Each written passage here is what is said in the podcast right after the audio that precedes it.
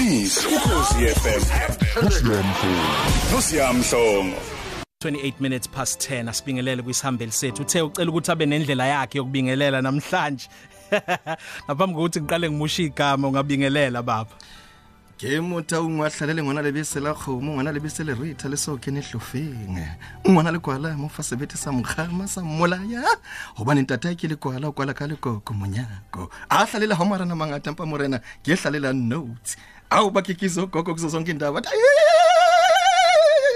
umutaunga ukabele igama yes sir. Awu bulisa phela nakwaXhosa. Andibulise Sithi ndibhutise bhotani. siyabhotisa kumaxhosa. Sithi mhlekazi uthixo ethu umhle kangaka ke khofana naye uligwiba. Sithi zidwesha uyingangamsha ligorha likoroti Ah, hayi mhlongo hey sinokabelo mtawung abaningi bamazi ngobani kuyikusakusa bangazi kakhulu ngopastor manana. Pastor Manana. Yes, sir. awungene nje athini uPastor Manana uma ekhuluma lapha? Hayi cha mamlanga ungakhathazeki kakhulu. Nawe ke antilungi eh lamakhekheno njengoba ningilungisele wona. Cha ngizowadla nje. Eh ngizodla ngala ngaphamamlanga ngiphinde ngidle nakuwe antilungi ungakhathazeki oh hallelujah. Kukhokho bese uthini? Oh yes. Yena yazi khokho ukuthi ngikuthanda kangakanani my baby. Namhlanje sobe sehotel elisezingeni eliphezulu. Oh oh. ah oh yes. Kusho umfundisi njalo. Kusho umfundisi. Ngiyakuzwa. Sinokabelo mtawung Yes, sir. namhlanje. Yes, sir. sizogqugquzela namhlanje. Yazi ukuthi la umuntu ahamba khona uhleze ethi ehlangana nabantu abathi ngicela ungiphe ithuba. Ng- ng- ngiyakwazi ukushumayela ngiyakwazi ukumotivate eh bese ngithi mina usaqale kuphi? Yes sir abaningi bese beyahileka Ngiyakuzwa. eh ufuna ukuthi nje igxathi lokuqala kube yisemsakazweni ukhozi kanti khona mhlawumbe primary eduze nakubo ikhona ihigh school eduze nakubo ma- maningi amabandla zikhona indawo mhlawumbe nemsakazi Yes, yomphakathi sir. Yes, sir. eh, Yes. eseduzane naye abe ngazama mhlawumbe baseshe bamvulele Yes, sir. Ng- hayi ngoba ngisuke ngifuna ukuthi ngiyakunqabela yes sir yes sir sengikwazi iminyaka eminingi yebo baba eh, eminingi kakhulu Ngiyakuzwa. ngingakaze ngikunikeze ithuba lokuthi awukuze uzokhuthaza umlaleli Oh, yes. namhlanje Oh, yes. wena ukhulumile ma primary wakhuluma ema high school Yes, sir. wakhuluma Yes, emabandleni sir. wakhuluma Yes, sir. Yes, sir. eh Yes, cishe yonke imsakazi yomphakathi Yes, sir. Yes, sir. Yes, namhlanje sir. ngithe cha woza mtawonke Yes, sir. bayakwazi nabefundisi abaningi Amen, baba. mina nje e- e- e- enganikela impilo yami ngisizwa umfethu Brian Bulo Oh, yes. Oh, yes. singakazani Oh, yes. mina nawe ngaleso Absolutely. sikhathi Yes, sir. wena naye nasenazana Ah, come on, kudala come on, Jomani. uyaziwa ukabelo mtawungu ukuthi Yes, sir. nala akhona ukubusiseka kwakhe Eh, ushesha yes, sir. zwakela ukuthi ubani lo muntu okhona ungabingelela Oh, yes, nje Lord, futhi ke yes. kubalaleli ke ngesizulu ke nje bonke abakwaziye nabangakwazi angibingelele kakhulu kubalaleli be- bokhozi FM eh umsakazo omkhulu ngendlela esimangaliso number 1 in Africa bese kuthi number 2 emhlabeni wonke. Then kuyisibuso esikhulu kumina umusa kaNkuluNkulu ukuthola leli thuba elifana naleli.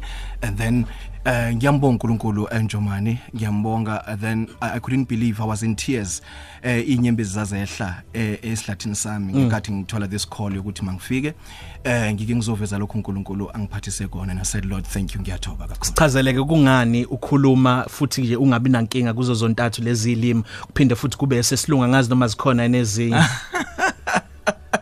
Eh yes sir. Eh mi- mina ngokuzalwa ngi- ngizalelwe eKing Edward kodwa amakhaya amasematatiyele eEastern Cape. Yeah. then eEastern Cape sikhona ukukhuluma ama language awu 4 singasho kanjalo Yeah. yes ngokusheshsha okukhulu awu 4 okuwukuthi ke English isisuthu eh is- isiZulu isixhosa then lokho bekwenza ukuthi kube lula kakhulu ukuthi kumuntu ofana nami akwazi ukuyifunda ezinye izilimi akwazi ukuzazi futhi Yes. Ngicabanga ukuthi kuzoke kuphinde kube khona igama elithi alifane nesoshangove lasematatiyela.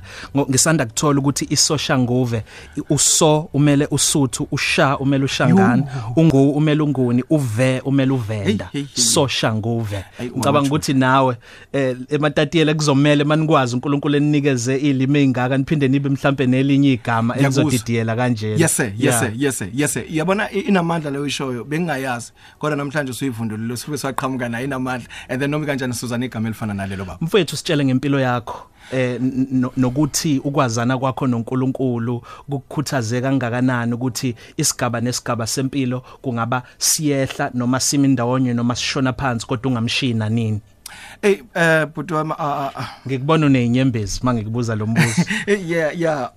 Eh empeleni njengoba ngishilo eh ngathi ngi- ngikhulele e- e- ematatiyele then umuntu wenze namabanga kamancane primary khona ephamutse eh kanti futhi ngike ngafunda na kwenye indawo kuthiwa yise Michiding eh bazoyazi kabaningi. Eh ngaya ku high school ebizwa ngokuthiwa yi eh, La Grange eh CB High. Eh ngasuka nakhona ngagcina sengisemaluti High. Ah eh ngase ngiphumelela ke nalapho ngagcina ke mhlawumbe umuntu eseyovela eUnitra yayisabizwa ngeUnitra at that time uh esebizwa manje ngeWalter Sisulu University. Eh unfortunately umuntu akakwazanga uqeda eh ngezimo ke eziningi ehlukahlukene eh kodwa ke ukwazana nami ukwazana kwami no no no, no Jesu it was um 1993 ngangifika high school ngi ngiphuma eh, emabangeni aphansi. And then ngiyakhumbula on that day ngifika khona ngangijabulile ngithi hey sekuyisikhathi sokuthi ngisuke eduze kwabazali kade umuntu elusa inkomo kade ehlezi egadiwe and all the stuff. This is the time ukuthi umjito ofana nami athi ukubhampa ke manje abone nabantwana ngithi understand. Kube kuhle kube njana. Yeah. injalo nje vele ukabuzangwana usengenile Kabuzangwana. uzobangela. Angithi you understand. Sure. ngangiphethe leyo trunk yami nami enkulu uyabona eh eh, ngifika uyabona uthola ukuthi r- uthi ungena amantombazana nanka aqelile la esayidini. Yabona yaniscreamela kanjalo umuntu nomuntu useyidomulela ukuthi owakhe yilo and then um the same day ngifikile senginalomqondo ukuthi ngizoshela nje ngenza into zami. Ah kwasho ukuthi kunabanye abafowethu ababesuka endaweni yakithi eh sasisuka endaweni eyodwa ngasemakhaya eh noma esigodini. Eh ababe u3 kwaku eh, umfundisi manje umfundisi umthapa eh umfundisi umuntu uphi mthapa eh no Puseletso lepiana no Khabiso eh and then la la- la- la- lamajita aye abantu abakholayo kakhulu bemthanda uNkulunkulu bamkela uJesu besenisiwe. Then at the end of the day the first thing that they did ngalelo langa ukungithatha bangise kwiSCM bathi nje asike sihambeni nje siyobonga uNkulunkulu nokuthi ufikile. Ey uyabona zonakala lapho izinto. Ngifika just imagine ngiyafika high school ngisafuna ukuzoza ubumnandi bempilo. Yeah. Ah kanti usuku la uNkulunkulu ezongibamba khona ngathola impilo yami sengiyinikela kuJesu ngiyisopa nginjalo and then angazi ukuthi kwenzakalani enhlizweni ngabona ukuthi nginesikhala ngiyayidinga lento. Ngamthola uJesu on that day. Impilo yami ibenzima kakhulu because uh u- u- ukukhonza eh eh, eh, uyinikele kuJesu because you need to separate. Kunezinye izinto kuyahlukaniswa la. Impilo yakhona impilo ejulile ne, ne, ne, ne strict ngempela Yeah. ukuze kubonakala ukuthi uyayiphila lento um ngiyakhumbula sasithi sithandaza sithelwe ngamanzi. Abafundi bafike nje bazosibhunyela ngamanzi. Bake basijahe ngamatshe besizulisa yonke indawo. Ngisanda kukholwa just imagine sengiyahujwa nani ngihujwa ngamatshe ngoba lento yethu kufuna ukuhlekiswa ngayo ingathandwa esikoleni but at the end of the day sabekezela mfethu sayibekezelela lento sabekezela. Ayamukelwanga ke nasekhaya ke indaba yensindiso and ngabhekana nayo nobunzima obukhulu ekhaya. Same year ngisindiswa ngayo kwakufuza ukuthi kahle kahle ngawa ngamshiya uJesu on that day. I still remember ngibizela umhlangano. Mina ekhaya ematatiyele i was the only child kubazukulu bakantate Phori ukusho ukuthi la kuzalwa khona ubaba. Umuntu owayekhuthele ngendlela esimangaliso ngithi ngilusa inkomo ngibe ngipheka uphuthu ngala ngiphuthu ngiphangi ngiphekela izingane ezishiwe abazali bazo and then ngihleli nabo. Ngiyafunda kodwa neinkomo zibheke mina. Zithi ziye emasimini ngizokuvuza ngehlisa isitovu ngigijime ngiyisuse emasimini ngiphinde ngibuyele ngoqedela uphuthu ekufuneka ngilipheke ingane zilindele now at the end of the day ngizama ukusho ukuthi kwaba nemhlangano e strong engekisa uJesu ngama. Ubaba wami for the first time ila khona washo khona ukuthi lo mntana uze nento esingayifuni ingane sonke siyasonta nje. Waye seziqhamuka nento ezong ezongibolisela ngemithi yami. Imithi yami izobola and all the stuff. Now angiyifuni lento what keep ummese ethu uyangibulala. Uyaqeda ngami. Then on that day i couldn't believe because ngahlubukwa even nawo gogo bonke abantu ebengibenzela okuhle. Eh ngenkathi ethu ufaka isandla eshalufini kwakunzima ukuthi ngihlehle ngithi Jesu ngiyakuyeka ngoba sekuphuma ummese ngenkathi efaka isandla kwaba ngathi khona inkazimulo ayibonayo. Ngambona ilahla umbese phansi engilanda ngamaqupha. Wangishaya. For the first time ubaba wami ekhala ekhaliswa ukuthi kukhona umuntu ofana nami omkhalisa. Ngimkhalisa hayi ngoba ngimshayile ngimkhalisa ngenxa kaJesu ngimamkele kuthiwa esakhulu ubaba wayengakhali wayesibha enesibhaqo engasabi umuntu eshakwa sane ekhulayo ethi but this time kuthiwa waye- wayehla phambi kwami egcwala izindlu zonke ngenxa kaJesu ngimamkele ngammela uJesu baba ngaxoshwa ekhaya ngaxoshwa yibo bonke abantu ebengimanakekela and everything. Ngahlubuka wonke umuntu wayethi mayifika afike njalo nami. Yinto nje elala emizini yabantu ngihlala emizini yabo. Something like that. Ngingasho ukuthi but eh kwa- kwa- kwa- kwa- kwanga u- u- uma wami wangibhalela incwadi la eThekwini naye wavesena wangithuka wathuka nabazalwane abanginikeze leli vangeli engilitholile. Elibhedayo because akhona namanye amavangeli. But why this one? Then ngaba umuntu ke olahlwa kanjalo ngangakwazi nokufunda some eh, unyaka wonke ngashayiswa na imoto mangishayiswa imoto kwathi ya, abaphansi sebeqalile ke manje bayakushaya. And all the stuff like that. But i stood man ngama wangithwala uJehova. Up to this day look where i am. Ay man hey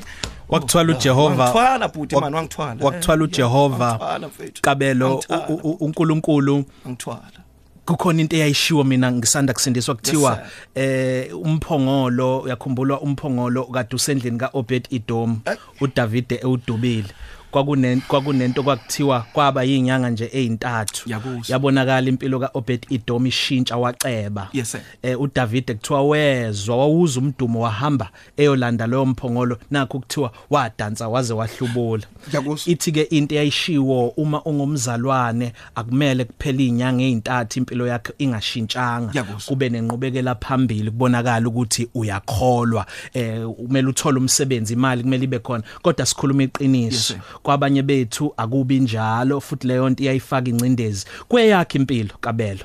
Em ngale mhlambe kokubalisa. Eh unamaphupho unentshisekelo enkulu ngempilo uyathanda ukusiza abantu. Kodwa khona loqhuu Yeah. khona lesigaba okungathi man akakaze kufinyeleleke kuso uhlale kangakanani iminyaka emingaka waze wafika la ubona khona ukuthi ngiyakhula manje kwahamba um- uma wakho emhlabeni Yes, sir. eh ungakamenzela izinto awufisa ukumenzela Absolutely. zona njoba wawungitshela kodwa futhi usanethemba uyakholwa uyaphikelela Yes. ukuthi liyeze lwami usuku Eh baba angisho ukuthi kwahamba ubaba wami kwahamba uma wami kwahamba umfana sekhaya ongilamayo. Sisele su 3 yimina uNtebo eh, uHlonono. Eh Johannes. Then eh, nabo bonke kabanye ababengihlupha ke emva konke sebahamba emhlabeni ngisele nje. And nendlela engangihlushwa impilo ngakhona umuthi bonke usho ukuthi ngiqonda ukuthi ngizothini? Uh, iningi le lama family members umndeni extended families uh, members. Then iningi hey labo mfethu bahamba. And mangithi ngiyababuka ngihlaziya ngihleli phansi abantu ababengishaya bengihlukumezela leli vangeli and inhliziyo yami ibhlungu ngoba uh, bahambe bengakaze ba- bazane noKristu and my heart was very sore because they left bahamba kodwa ngisaphila ngisekhona. And ukhumbule before ngikholwa enye into yangenza ukuthi ngikujabulela ukukholwa Kwa- kwafika nalento ukuthi inkosi mina impilo yami yangazi ukuthi bengigula kakhulu ngigula eh ngigula ngihanjiswa kuzo zonke inyanga into ongasukumi phansi baba wami understand? Kwafika la ngigive up khona ngathi no ingani kunento ethi uma imoto inenkinga musu kuyamisa kwabanye amakhenika ngoba bazoyizama kodwa bangashayi khona. Ayikiye kumnikazi wayo angithi understand egarage la iqhamuka khona. Ngakhuluma on that day ngathi inkosi ake ngibone ukuthi lo nkulunkulu uyasebenza yini. Ngicishe ngafa ake ngibone ukuthi angangikhenika ngiphile nami. Ngayithatha impilo yami ngayinikeza umnikazi wayo. Ngayeka abanye omakhenika abayizamayo. Ngoba bayizama bahluleke. Ngaya kuye. Uma ngiya kuye bhuti wami i'm telling you zonke izinto zashintsha. Ukugule enganginakho kwaqathaka. Ngakhuluphala ngaba into esimangaliso ngabe seningadida ngisho noma wonke umuntu wadideka now what i'm trying to say is eziningi izinto bengiyiphokophele ngangifisa ngisakhula ngithi ngifuna ukuba umsakazi eh ngifuna ukuba iartist ngifuna ukuba eh, eh, eh, umuntu okhuluma. Mina ama open airs ngikwenze ngisemncane. Ukusiza abantu emphakathini ngikwenze ngisemncane. Ngiyacabanga ukuthi it was just a call uNkulunkulu angibizele kuyona.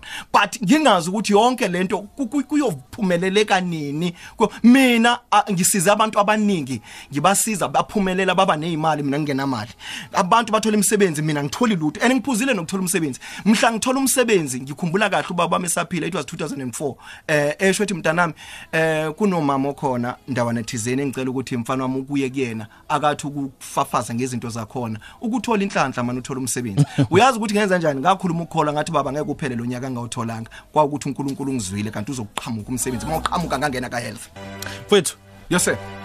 Kade ukhuthaza abantu. Yebo baba. Over 15 years. More than 15 years. Absolutely. kuphi nendawo? Yes baba uh, njengoba uke wabala indaweni ngehlukahlukene and then ukwi ground ephansi. Yeah. understand. But ngisebenzisana nama community radio stations. Njengoba wabalile wonke ngoba nayo indaba ye acting ihlangana nami kuma community radio stations. Ngibhizi ngizomotivate abantu Yeah. ngizogqugquzela then uh, ngahlangana nayo. Singene Nice. thina kwi kwi public speaking Yes, wena sir. usu um- u- ukudala wangena impela kuyona. kade nga- nga- ngangena bhuti Yeah. wami ngangena oma fresh laba bayazi ngisebenze nabo kakhulu. Yebo Yes. kulo yamsakazo kulo msakazo neminye futhi. Neminye futhi. Yeah. Yes sir. Sizothini OTP, kumlaleli Thandazani, namhlanje Msomi. yeah. Eh yes sir. Namhlanje sizothi nje eh umuntu ungamdelete empilweni yakho. Hey. Ungayidelete iobject wena kuzodolika ukuthi ni object ungayidelete iobject Into. kodwa umuntu? Yes Yeah. umuntu ungamdelete. Nanoma yinini ungalenzi iphutha lokudelete umuntu. Ayi. angithi understand. Umuntu ubalekile mfethu. Umuntu wakwathanda uNkulunkulu. Ngendlela ukuthi uNkulunkulu mayikhuluma ngomuntu uthi uNkulunkulu omncane umuntu. You understand. Kusho ukuthi thina sonkulunkulu abancane ngaphansi konkulunkulu omkhulu. Kodwa Now, sinobuNkulunkulu. si- uyezwa sinobunkulunkulu. Yeah. now in other words eh ngi- ngibhlungu uma uzothola ukuthi uNkulunkulu uyasithanda. Uthanda thina sidalwe uyena bese kuzothi thina sithandani thina siyidalwa zakhe sidalwe uyena yena osidalile uyasithanda. Kodwa thina sisodwa esidaliwe asithandani Shuthi sinamanga masithi siyamthanda. Ngiyabonga. ngoba uma ungamthanda omunye umuntu awumthanda umuntu owuNkulunkulu. Nangoko nangoko siya siya uyaphi ke lapho? Yes. Eh now ngamanye amazwi eh eh, siya. Ngiqonda ukuthi mangithi ungamdelete umuntu kungcono abantu bayiqathakele kunokuthi baqathaze wena chaza. Yes kungcono abantu bayiqathakele kunokuthi ba baqathaze wena angithi understand? Njengoba ngisho ngithi you don't have to delete umuntu because umuntu indlela abaluleke ngakhona uyomdinga noma yinini. Kuyenzeka umuntu ungamdingi manje uma umbuka uthola ukuthi okay angimdingi. Kahle kahle ungamdingi kwakho isikhathi samanje. Kunesikhathi la futhi kuzohamba ufuneka umdinge khona. Ngiye ngithi ngesinye isikhathi you need to be careful uma abantu bekunikeza bethi bacala ukuthatha i- inamba yakho noma wena uthatha inamba zabo. Ungagcini ngokusave igama kuphela. Save nendawo abahlala kuzo ngoba hlezi uyohlola ngakhona. Hey.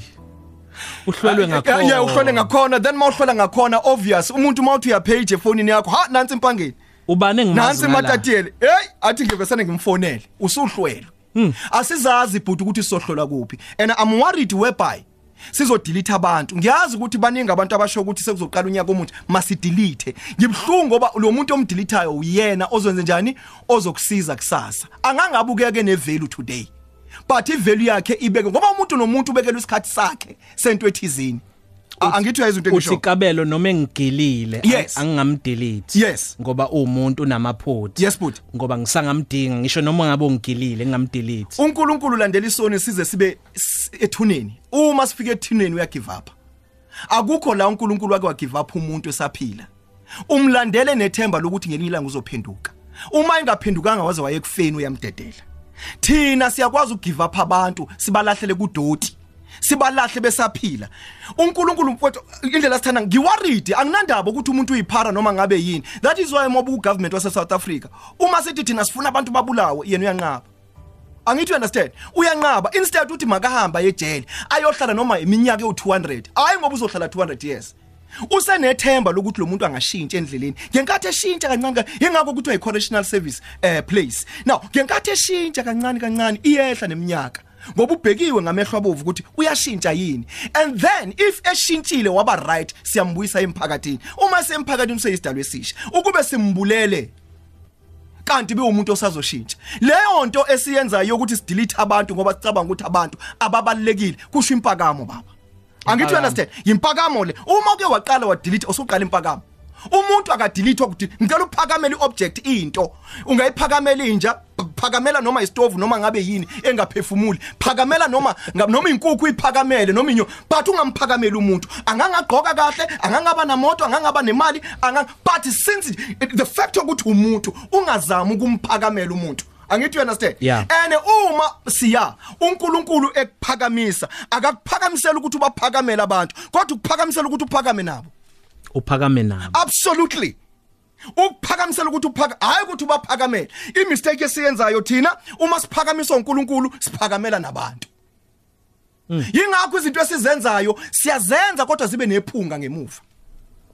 Basho gogo nomkhulu bathi hey umntana uyashaya kodwa kunephunga. Kanti iphunga lande impakamo ungilalela usathana akawiswanga ukuphuza utshwala akawiswanga ukujola kakhulu akawiswanga ukudla idakamisa wale uwiswe ngento eyi1 impakamo. Waphakama wazaphakamela uNkulunkulu. Kunabantu abethi mase bephumelele abasakhuzeki. Bayibo njengoba ukabela uthola ipl- iplatform njengamanje yokukhuluma nabantu abawu 8 million. If kunogogo noma ubani noma umfundisi wami kephi ukhuluma nami engiyala angisayaleki because sengimkhulu. Bake bakulahla yini wena abantu kabela amfethu uyabona nje if angazi ngizothini but sebengilahlile kakhulu. Abangilahlile futhi ngiyabonga ukuthi bangilahle because uthi lo eh eh, uthi uDavide uma umano baba bengilahla uJehova uzongicosha kunabantu abake balahlwa kanti balahlelwa la kuzodlula khona uJesu. Kwake kwalahlwa amadoda ephethwe isilephero balahlwa ngisho nabantu abakholwayo baphatha amabhayibheli. Ungilalela bathi baze babakhompozela iculo elithi uma kuza umuntu ezodlula ngakunina niqula iculo elithi singcolile. Bakhompozelwa abanye abantu iculo elirong kanti uNkulunkulu akaze akompose iculo lokuthi umuntu athi ungcolile. Ungilalela? Abantu babakhompozela balicula iculo elikhompozwe abantu. Bangaka abantu abakhompozela iculo empilweni yakho? Nawe uyalicula and i'm worried ukuthi into eyiculayo iyona ozoyizuza. Kuthiwa whatever you elevate you praise. Whatever you praise you elevate. Utolika mhlongo. Lento Ah! lento iphakamisayo Yes, sir. uyayidumisa. Yes, sir. uyidumisa uyayiphakamisa yeah. Angithi yabo lento oyikhulumayo njalo iba pregnant eswini. Ngenkathi iba pregnant uyasazi isusu umuntu mayikhulelwe siqala ngokungabonakali kodwa simane sikhula sikhula sikhula sikhula. 9 months sesisikhulu kakhulu sesifuna ukuphuma and masiphuma si- si- si- sithi give birth to omunye umuntu. Nayo lento eyikhulumayo noyipraiseayo ngasonke isikhathi iyakhuluphala ikhuluphala izale izale ezinye izi kuya ngokuthi ukhuluma into enegative or positive uma ukhuluma into epositive uzozala izinto eziningi ezipositive uma zinegative into eziningi ezinegative bakhompozelwa iculo abanye abantu. Balicula leculo bathi sinqolile sinqolile. Kanti ngelinye ilanga kuzodlula kuzozindoda ihamba nesixuku kuJesu. Uma eza uza nalesi siquku balicula iculo hayi indoda ayigodluki endleleni. Balicula iculo ayigodluki balicula ayigodluki indoda. Babuza ukuthi kanti ubani lo zayo? Waqala omunye wathi eh asimbukeni kahle madoda. A a ingathola unye uhlobo. Lona ke ingonyama yakajuda lona ke inkanyezi yokusa lona he is the alpha and omega lona he is the one who was who is who is to come lona yilona okuthiwa icounselor the prince of peace Emmanuel lona ngithi understand bathi asishintsheni iculo. Bathi asilishintsheni iculo li wrong iculo ebesicula bathi manje asiculeni iculo elithi God. Have mercy on us. Angithi understand? Baqala bacula iculo eliculwa uNkulunkulu ngeimpilo zabo. Baqala bathi uNkulunkulu unama plans amahle ngeimpilo zethu okuphumelela. Uthi ke lo olahliwe yes sir. akangaze ayikholwe lento yokuthi ungumlahlo yes sir. Azabhale iculo lokuthi ngilahliwe. Yes, sir. uthi akabhale iculo elithi elithi Lord have mercy on me. Iba nomusa. Iba nomusa kimi. Yeah. ilona iculo uNkulunkulu alibhalile ngempilo yethu ukuthi yena abe nomusa empilweni zethu. Okay bhuti wami ngi- ngi- ngi- ngi- ngiworried kunabantu abaphakeme. Ukuphakama kwabo kukhona abantu abawuthi ngifuna ukukhuluma ngabo ophakeme enotho. Ikhona lento emphakamisayo uvela unotho. Uphakeme enotho. Yes sir. Yeah. Bese kuba khona umuntu ophakeme engenalutho. Yeah. Okay laba abanotho baphezulu sizama ukubehlisela phansi. Yeah. Lona uphakama nje uvela uphansi angazi simehliselaphi mhlambe kufuneka sithatha amafosholo namapiki simbele simfake ngoba phela uvela uphansi kodwa kanalutho laba abangcono sizama ukubehlisa banotho ebaphakamisayo. A- angithi you understand Yeah. ngisho now mfowethu asike sikhulume umuntu ophakema ingozi nansi la ikhona. Ukuphakama kwaphi sesiyendabeni uma bephakama ukuphakama kwakhe uphakama ngendlela ukuthi akhohle ukuthi la siya khona masiphezulu sisuke sivakashile. Sivakashele ukuthi mase siqedile lapho phezulu sivakashiswe khona siyabuya sibuyela phansi. Phansi. now uma uphakama uphakamela abantu ukhohli ukuthi awuhlali kuphakameni Yabo awuhlali phezulu uvakashile usazobuye phansi. Nokhozi ludla phezulu kodwa egcineni malishawa inkinga libuyela kephi? Phansi. Now what I'm trying to say is but wami abantu ngicela namhlanje masihamba sihambe nelithi popo dilike emthini. Ngizo ngizo- ngizovala ngalelo masengivala. Ngithi nje popo because umuntu ophakeme ufana nopopo. Upopo but wami sike subona uphezulu lapho umuntu ucobezela suhalele siphansi thina. Size si- silwe subange indlela omuhle ngakhona. Uphezulu uyasibuka. Uma ushaya ikwasa kwasa nevosho. Phezulu awufuni ukwehla. Ungilalela uma sifuna ukugibela esihlahleni sakhona nawe ingathi wa waplan ukuthi mawuhlala endaweni ephezulu nasesihlahleni esingaba esingabambeki esishibilika othi noma uyagodela kusona ushibiliki wephansi yeah kodwa manje ingozi kapopo upopo usukungazi ukuthi kunezinye izinto ezingaboni ubuhle babo yeah yinyoni zozulu. Njengoba ungafuni ukwehla ziyafika inyoni zozulu zumkhofose kabuhlungu. Ngomlomo ocijile. Ngenkathi usunezilonda usugcwele imbobombobo uyawubona manje usufuna ukwehla uwehlele kuthina phansi. Ngenkathi uwehla nathi siyaqhela siwudedela uphahlazeke phansi. Asawunqaki. Asawunqaki babe sufuna usemuhle. So- kunabantu abazophahlazeka kodwa kwamanje asike sidedele. Eh eh, eh, ibhanoyi lakhelwe ukundiza phezulu ayi ukuhlala phezulu. Khumbula ukundiza phezulu. Kodwa ukuze liphakame liphakanyiswa amasondo. Kodwa lakhelwe ukundiza phezulu. Hayi ukuhamba phansi. Yeah. kodwa ukuze likhuphuke lidinga into ep- ehamba phansi iliphakamise ukuze kufezeke lento yokundiza kwalo phezulu. Yeah. uma seliphezulu alikaze ibhanoyi liphakamela amasondo liwaqaqe liwadelete. Liwadili yes sir. Yes sir. Angazi noma uyangizwa. Ngoba liyazi ukuthi Y- ngisazobuyela phansi. Baba liyazi ukuthi njengamanje njengoba ngisemoyeni angiwadinga amasondo kodwa mangiwagodle. Kunabantu ekufuneka sibagodle empilweni yethu ngoba singabadingi manje. Sibagodlela isikhathi esilandelayo la siyobadinga khona. Uma selindiza phezulu seliyolenda liphinde liqaqa amasondo ngoba lizolenda ngani? Ngamasondo. Lihambe liyobhaka ngamasondo. Now zu2 izinto ezizoshaya abantu abaphakeme. Khumbula popo diliko mthini ungakadilizwa yinyoni. Zu2 eyokuqala ukugula. Ukugula kunandaba ukuthi uyicelebrity. Ukugula kunandaba akuboni ukuthi udumile. Unemali. Izifo hayi akubona ukuthi unemali uneyimoto engakanani uma kukushaya ukugula udinga abantu. Udinga oqabela. and kuvamisile ukuthi uma usushayekile usugula ama celebrity angabona. Laba abantu abadume njengabakhulu abanezimali sekudingeka abantu abaseduze La- la- labe la nithi eduze. pop bottles now hayi wena hey! A- angithi you understand ngisho sekudingeka labo bantu. And ngenhlanhla uNkulunkulu uyenza ngamabomu ukuthi kube yibona abasondela abaseduze. Kodwa bayasaba ngeke beze uma ugula. Why? Hleze beze mhla kugula wena uvesana ufe. Kanti mhlambe ugula nje una medical aid? A- angithi yabo hleze kufike bona njomani ngoba wawungabafuni usephezulu. Uma bethi bazokubona bakulekelele uvesana ufe ngoba vele wawungabafuni uthi bazokwenzani? Bavesana bangezi namhla usushonile bathi ngeke siye emngcwabeni wakhe. Hleze sifike emngcwabeni ibhokisi l- elele ebhokisini. Avesana avuke makufika thina. Abuze ukuthi nizokwenzani oh ngoba wayihlala engasifuni. Baba baba baba baba Asingabe ka- sisaya. baba imoto yakho ka5 million mawusugula ayikwazi ukukuvulela isicaphi kuseklinika udinga bona laba bantu abama overall behla benyuka udinga labantu kade babukela phansi. Ungilalela into engishoyo? Imali yakho noma ungayibingelela hallo eh, 50 billion. Ithuli iobject into. Noma ungacwila imboze ayikwazi ukuthatha kuseklinik noma ikuysekephi usho ukuthi abazalwana bagade Yes, sir. bangashayi ka- kangangokuba bazokhohle ukuthi obani abahambe bayomba ngo4 ekseni baba baba baba baba baba Emangcwabeni. uyapi lapho siya? Ha buka mangiyivala angithi uyayibuka ifriends like this. Ngiyayazi into Ey, enjangaleyo uyayazi into enjalo okay kunohlelo kuthiwa friends like this lapho ku- ku- kune kune game engiyithandayo yokhiye yayingidi nokhiye. Yeah. ingidi zonke ziyafana. Nokhiye bokuvula bayafana. Angithi you understand now kodwa kuthiwa njengoba befana labo khiye ukhona ukhiye wokuvula ingidi. Kodwa manje uyibuze kanjani ngoba bayafana? Uthi uyawufaka lo ingavuleki uthi uyafaka ungavuleki uyafaka kungavuleki now into enzakalayo why lo muntu ededele okhiye bafana neingidi still zafana? Wenzela ukuthi uhloniphe ukhiye noma uwuphi kulabo khiye abaningi ubathinte bonke. Oh. Ukube ubhalile ukuthi lo khiye yiwona ukuvula leya ngidi ubuzobukela phansi laba abanye ngoba Abanye. vele laba akubona bokuvula sebebhaliwe. Now lana ke empilweni yethu bhuti wami siyingidi sinamaphupho kodwa amaphupho ethu asakhiyelekile akhiyelekile. Eh yingidi. Angithi understand? Yes, sir. bese kuba khona omunye umuntu owukhiye ukuvula ingidi. Uyanderstand ngisho? Angazi ukuthi njengoba ngila okhosini ubani umuntu obone ingidi yokabelo onephupho over 15 years?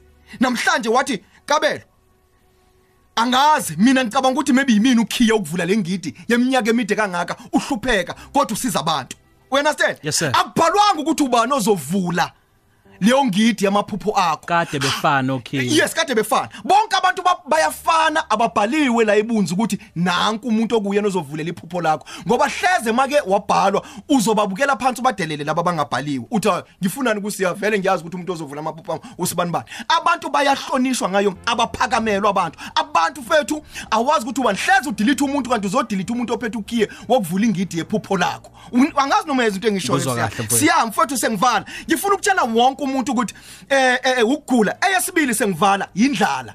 Uyazi ukuthi kunabantu ethi mase bephumelele ba- ba- baphakanyiswa bangena ezitolo zekhethelo ezibizayo futhi akasena inkinga ukhipha imali kalula akasazwela ukubiza athi akasangene ezitolo ezithizeni akhohle ukuthi isitolo esamphakamisa ukuze afike kulesi sekhethelo. Waphakamiswa lesi asibiza ukuthi sinamagciwane. Athi akasangeni kusona. Bengizotshela umuntu mina ukuthi uyazini uNkulunkulu uhlakaniphile?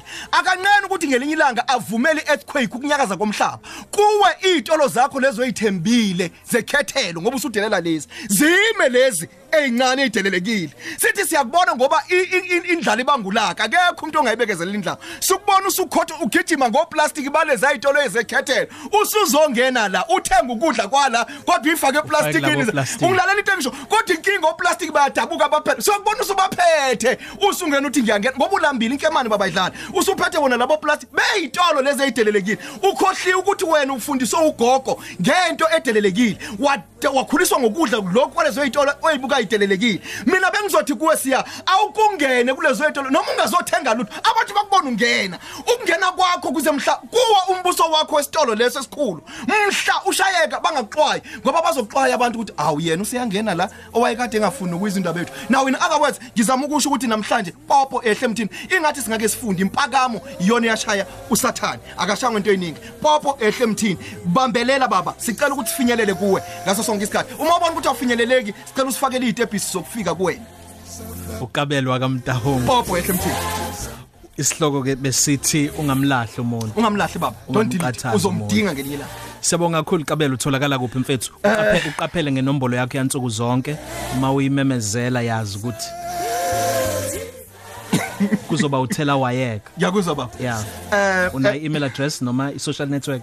Eh okay ikhona ithi mutaung eh dot kabelo at gmail.com eh mutaung dot kabelo at gmail.com eh email then bese kuthi eh uFacebook. Facebook ngikhona ngikabelo mutaung bazongibona ngifake nje isigqoko esingathi sikaphi ucela u- u minister then eh kubhalwe love language the blues. Then ngikhona lapho. Ayingabashiyela inamba baba. Eh ithi 071 7123 045 ngiyayiphinda 071 7123 045 ngiyabonga njomani god bless you nabalaleli bekhuzo FM Sibonge Bless you. kakhulu umfundisi kuyikusakusa uyena wayomfundisi ukabelwa kaMtawong Hallelujah. Ukhosi FM. Nosiyamhlongo.